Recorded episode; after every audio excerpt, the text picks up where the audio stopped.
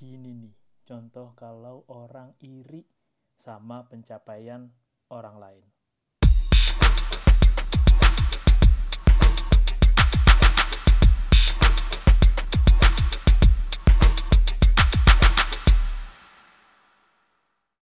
Gue mau ngebahas mengenai video TikTok yang gue temuin dari akun @hrd busuk kaknya 2 @hrd busuk kaknya 2 ini postingan 25 November 2023 udah lama sih. Kan gue bikin ini tanggal 6 Februari. Masih nggak kata udah lama tapi masih bisa relate sama gue dan nggak tahu kenapa muncul di FYP akun gue videonya ada beberapa screenshot yang like 14.900 sih. Kalau yang lihat yang lihat videonya ada 541.000 komennya ada 874 ini nyangkut soal cerita karyawan yang dari status karyawan diubah ke freelance karena cuti hamil. Nah itu terjadi di brand WRP kemarin. Lu udah lihat kan brand WRP-nya tuh ini mereka terus di videonya HRD busuk ini yang potongan screenshot bilang di slide ketiga mereka langsung klarifikasi ini PR ini PR public relation activity yang salah besar. Di spill nih ini akun LinkedIn CEO-nya ini sejak WRP masih di bawah Nutrifood nah ini HRD-nya pengalamannya kebanyakan jadi admin tiba-tiba jadi HR klik baitnya di belakang sih hooknya di belakang kalau menurut gua. Dan lagi-lagi tantangan terbesar adalah mengedukasi masyarakat. Karena kalau lu nggak tahu tapi lu berperilaku seolah paling tahu lu jadinya fitnah lu jadinya kasar dan itu bukan hal yang buruk eh sorry bukan hal yang baik salahkan gue lu jadi fitnah itu bukan hal yang baik karena fitnah adalah perilaku dajjal. Lu mau disamain kayak dajjal? Dajjal bahkan kalau pakai fitnah enggak lebih parah dari lu menurut gua. Kenapa? Karena setan aja kaget ngeliat kelakuan manusia. Lu bisa denger ulang episode gua yang setan juga ngeluh kali ngeliat kelakuan manusia di episode gue yang sebelumnya. Dan lu bisa denger juga sebelum lu denger ini lu bisa dengerin kembali episode gua di judul sebelum kuliah psikologi. Karena komen-komennya tuh apa ya lu nggak tahu tapi lu ngerasa paling tahu. Jadinya lu kelihatan pinter tapi sebenarnya lu tolol lu tau tolol nggak sih tolol gitu. Apalagi ini akun HRD busuk nunjukin dia orang yang busuk kayaknya sih dibanding nunjukin kelakuannya. Karena ya lu buat apa? Nge-spill gitu. Terus lu ngasih caption pengalamannya kebanyakan jadi admin tiba-tiba jadi HRD ini gue sebutin namanya Mbak Rati Handayani. Beliau udah kerja dari 2013 sampai 2023 berarti udah 10 tahun emang pengalamannya banyak di admin. Ada admin general manager admin stock admin data entry admin operasional stock and admin general manager di divisi WRP Nutrifood admin finance dan IT di 2016 Januari sampai Agustus lalu jadi human resource associate. 2016 sampai sekarang lo jadi HRD oke gue jelasin satu-satu di HRD itu banyak divisinya. Ada operasional, ada administrasi, rekrutmen, training, engagement, payroll, HRD pajak, HRD bahkan ke legal. Terus lu tahu nggak? Ada komen yang, hmm, nih dari Andin Agnyandayu anak psikologi menangis lihat orang admin jadi HR. Gue nggak tahu sih lu. Gue nggak tahu apa yang lu baca. Gue nggak tahu apa yang lu lihat di media sosial lu. Gue nggak tahu temen pergaulan lu kayak apa gue nggak tahu informasi apa yang lu suka cari tahu lu suka baca tapi anak psikologi nggak nangis ngeliat orang admin jadi HR oke pengalaman gue gue juga pengalaman admin. Jujur gue bagian operasional. Dan semua bagian itu punya porsi masing-masing. Gue juga psikologi dan gue jadi admin. Gue di bagian pencatatan. Gue akuin juga gue nggak sempurna. Tapi gue juga tahu nih kalau gue nggak memiliki kemampuan yang baik dalam pencatatan administrasi pembukuan terus kemudian rekap-rekap surat penomoran dokumen, operasional akan berjalan sulit dan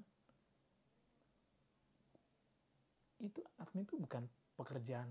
Jadi lu ke sana kayak ngecelin pekerjaan ya enggak lah, semua itu ada porsinya masing-masing. Semua itu ada tugasnya masing-masing, semua ada beban kerjanya masing-masing.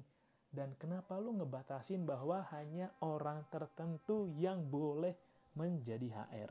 Oke, gua jeda dulu karena azan, nanti gua lanjut lagi. Ya oke, kita lanjut lagi. Ya emang kalau kenapa? Kalau psikologi jadi admin atau mau psikologi mau jadi pedagang atau misalkan psikologi mau jadi tukang bersih-bersih ya kenapa? Kenapa lu jadi membatasin gitu kalau profesi A harus jadi ini A atau pendidikan B harus jadi pendidikan B juga ya memang sih gue ngerti kalau yang lebih maksimal memang kita bekerja atau berkarya atau berwirausaha sesuai bidang pendidikan yang kita geluti. Tapi memang jangan lupain juga kita ini manusia, manusia yang terus belajar, terus berkembang, terus mencari tahu minatnya apa, senangnya apa, dan emang bisa jadi. Lo inget gak sih pengetahuan yang non linear ini pernah dijelasin di Om Ded kayak oke okay lah. Misalkan lo lulusan akuntansi tapi lo menjalani pekerjaan sebagai atau di bidang hukum. Lo mendalami hukum sertifikasi di hukum. Nah suatu saat ketika lo punya firma sendiri lu membutuhkan jasa akuntansi untuk mencatat pengeluaran lu. Karena lu punya pendidikan akuntansi.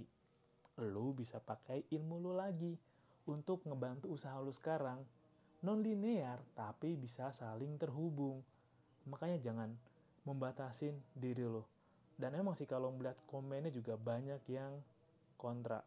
Banyak yang kok bisa kok bisa kayak tuh kantor gue aja bagian HR jurnalis anak psikologi di kantor meringis-ringis nah lihat dulu dia kan HR jadi ex jurnalis kalau dia di perusahaan media yang dibutuhin adalah orang yang mengerti media. Orang yang mengerti bagaimana menjalankan perusahaan media atau terkait dengan hal jurnalisme lain. Reporter misalkan ya kan butuh pengalaman di sana.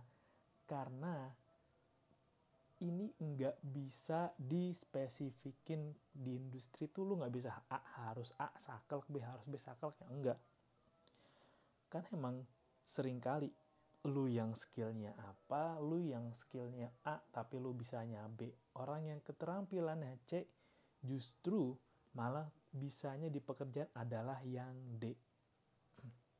Nah makanya di tempat gue juga ada kok lulusan teologi tapi jadi bagian kebersihan bagian umum ya nggak masalah. Terus di Senin sampai Jumat bekerja sebagai bagian umum tapi Minggu bekerja sebagai pelayanan mengaplikasikan apa yang dia tahu dan pendidikannya sesuai dengan yang dia senangi. Ya kan ada kalanya tuh ya pekerjaan lu kalau buat gua pekerjaan lu enggak mendeskripsikan lu siapa. Coba deh kalau lu pikirin lagi. Coba deskripsiin diri lu tanpa menyebutkan atau memberitahukan pekerjaan lu lu bisa nggak deskripsiin diri lu sendiri? Nah kalau lu lihat lagi tadi mbak. Mbak Rat nah mbak Rati sorry mbak Rati Handayani. Beliau juga jadi HRD kan perjalanannya panjang. Dari Oktober 2013 sampai ya 2023 bahkan atau 2024 sampai sekarang mungkin 10 tahun kan perjalanan yang nggak sebentar. Apalagi juga perpindahan PT-nya pun masih satu garis. Yang dari Nutrifood Indonesia terus ya pindah kembali lagi ke Nutrifood. 2015 aja Nutrifood berarti 15 sampai 2023 udah 8 tahun. Ini jeda di tempat lain 3 tiga bulan doang. Berarti kan kebanyakan memang sudah di di bawah Nutrifood ini kan dan mengerti WRP kayak gimana. ya toh di sini juga nggak dijelasin cuma HR doang. Bisa jadi HR finance bisa jadi HR data entry bisa jadi HR operasional bisa jadi HR admin bisa jadi HR engagement apalagi HR training. Kenapa yang enggak dari seprofesi yang dipilih? Karena kalau dilihat dari contoh Mbak Rati dan ini mungkin akan beda-beda di setiap perusahaan diberlakukan ya. Karena emang Mbak Rati udah pengalaman lama di perusahaannya gue pernah kerja lima tahun sebelumnya dan lima tahun itu juga bermacam-macam. Perubahan kebijakan, perubahan susunan manajemen, perubahan target, berubah ini, berubah itu, dan ya karyawan yang lama pun yang tahu proses perusahaan itu dari tahun sekian kayak apa, tahun sekian kayak apa. Yang ibarat kata udah tau lah visi misinya kayak gimana, menghandle manajemen kayak apa, menjalankan perusahaan kayak apa, tahu selah-selahnya itu yang nggak diketahui oleh orang baru. Itu yang nggak diketahui oleh orang yang baru kerja setahun, dua tahun, tiga tahun. Mengabdi itu butuh waktu lama, setia juga butuh waktu yang lama. Dan nggak ujuk-ujuk, nggak ujuk-ujuk dong. Walaupun emang ada komen yang nyakitin, wah jalur orang dalam nih, jalur ekspres nih ya karena emang orang dalam tahu oh siapa nih yang paling mengerti kultur value perusahaan ini oh ada nih Mbak Rati ya udah tawarin dulu coba kita uji dulu lah trial dulu lah atau misalkan ada ujian kompetensinya dulu lah gue tahu sih memang yang komen pasti kebanyakan iri lah aku juga mau kerja di perusahaan besar aku juga mau menempati posisi itu. Gue yakin juga banyaknya iri, apalagi dengan komen nih. Pentingnya memilih HRD dengan background yang sesuai. Wow. Ah. Gila, gila. So tahu, bet so bet. Padahal di HR banyak loh tuh. Aku yang lulusan psikologi malah nyemplung di admin. Ntar kalau tiba-tiba jadi HRD jangan sampai kayak gini. Justru malah ketika lu belajar dari bawah, ketika lu meniti karir dari bawah, lu tahu dasarannya, ketika lu perlahan mengembangkan diri, lu belajar skill lain, lu belajar skill yang lintas dengan pengetahuan lu sekarang, atau lu pindah ke tempat lain dengan membawa background pengalaman yang lama dan sertifikat atau ya kursus yang lu punya, lu jadi tahu dasarannya, lu megang dasarannya dan lu sudah kuat di dasarannya mau ke mana-mana juga lebih enak dan lebih gampang. Ya lu kan bukan anak presiden yang baru dua hari gabung ke partai langsung jadi ketua partainya. Emang lu kira orang yang kayak gitu tuh nggak dikata-katain dari belakang? Kok bisa baru berapa hari gabung jadi manajer atau direkturnya ya pasti harus tebel muka lah. Lu kuat nggak tebel muka? Pertanyaan gua. Kenapa dinyinyirin? Emang lu tahu perjuangannya gimana? Kalau gue milih anggota tim gue menghargai banget orang yang udah lama ikut sama gue kerja sama gue. Tahu cara handle gue gimana tahu apa yang gue maksud kayak apa dan teamworknya solid. Karena udah tahu nih nggak perlu diomongin banyak tahu mesti ngapain tahu inisiatifnya mesti gimana dan ya nggak perlu capek-capek ngasih tahu lah nggak perlu trial error nggak perlu banyak drama. Jadi ya pekerjaan yang dimau ya udah bisa berjalan dengan lancar. Nih banyak banget dunia startup sedang tidak baik-baik saja hampir semua CEO jadi micromanage pendapat lu doang kali so tau lu doang. Emang lu kira startup apa yang ada di Jakarta doang? Enggak lah. Nih banyak banyak komennya juga. Hmm, coba lihat tuh hmm. hahaha di tempat gue dulu waktu kerja OB jadi sekretaris kaget banget dengarnya pas udah nggak kerja karena di PHK pas covid ya macam-macam kan apalagi kita pandemi kemarin ada yang harus swift karir, ada yang harus berubah karir, ada yang harus turun level demi menyesuaikan. Karena memang ya, masing-masing perusahaan tuh punya kebijakan yang beda, menghandle karyawannya juga beda-beda. Lu nggak bisa samain dan nggak bisa plak-ketiplak-ketiplak karena lu kerja sama orang. Lu harus menurunkan ego lu untuk mau ikutin sistem cara kerja dengan mereka. Pun gue juga sama. Ya minimal kalau lu nggak mau kerja sama orang lain, lu harus bisa kerja dengan orang lain. Beda kan? Lu kerja ikut orang lain, kalau emang lu nggak mau kerja ikut orang lain ya minimal lu bisa kerja bersama dengan orang lain. Kalau emang ego lu tinggi, kalau emang aku lulusan ini, aku mau jadi ini, lu nya sulit. Dan realita itu nggak sesaklek. Makanya gue juga dulu sempat nyesel yang gue termakan doktrin oh lulusan ini harus ini. Kayak gue lulusan psikologi harus jadi AR lulusan psikologi harus jadi AR ya kalau gue pikir sekarang gue baru pikirin setelah lo budget ini dibikin gue bisa jadi apa pun yang gue mau. Gue bisa jadi pedagang gue bisa jadi pengusaha gue bisa jadi ikut agen gue bisa jadi distributor gue bisa jadi pengamen gue bisa jadi pelukis, gue bisa jadi tukang cat, gue bisa jadi teknisi, gue bisa jadi tukang foto, apa pun lah. yang penting guanya tekun. Yang penting guanya rajin.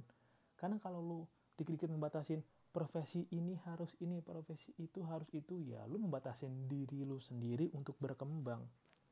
Ngebatasin coy dan kalau masalah kebijakan, oh nanti kalau cuti hamil mau jadi freelance. Nah itu biar perusahaan yang ngurus lah dengan ketenaga kerjaan kayak apa kita kawal. Ya pantau aja kayak kejadiannya kayak apa gitu kan. Kalau suatu saat ada kejadian lagi ya udah kita pantau aja. Jangan terlalu banyak sok tahu. Ya pantau aja. Kasih tahu yang bener kayak gimana. Toh ya pasti perusahaan ada kebijakannya masing-masing kan. Kita nggak pernah tahu gitu internal mereka tuh kayak apa? Keuangannya kayak apa? Operasionalnya kayak apa? Beban biayanya kayak apa? Hmm, nah dari gue pernah ditolak kerja di klinik lumayan besar karena HRD-nya bidan baru lulus. Ya bisa jadi. HRD-nya apalagi, lagi-lagi ada yang di payroll kah, ada yang bagian di operasional kah. Jadi bidan baru lulus bisa jadi kayak HR yang masih staff biasa, yang tugasnya masih di administrasi, pencatatan, ngebantu under CEO gitu. Emang juga ada juga kan?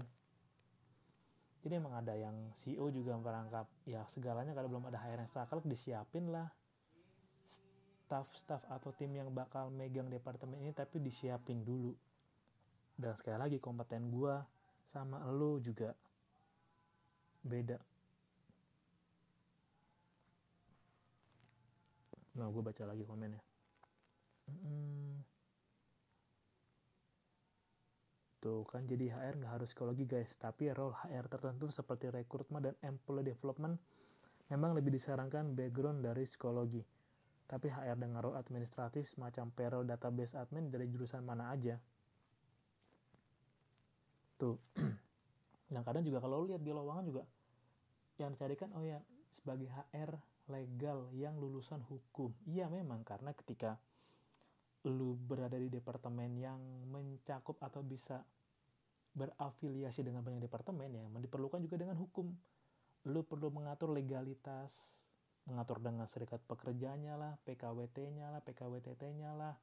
Terus masalah apa konflik dengan karyawan seandainya ada karyawan gitu ada berselisih paham dengan karyawan lain lah atau ada karyawan menuntut hak kepada perusahaan lah maka tim legal yang turun lah mengutus perizinannya apa? Perizinan gedung perizinan sewa tempat sampai kayak ngurus bisa jadi kayak legalitas sewa ruko atau juga terkait dengan legal yang ngurus perizinan apa namanya tuh uh, bukan banner apa namanya?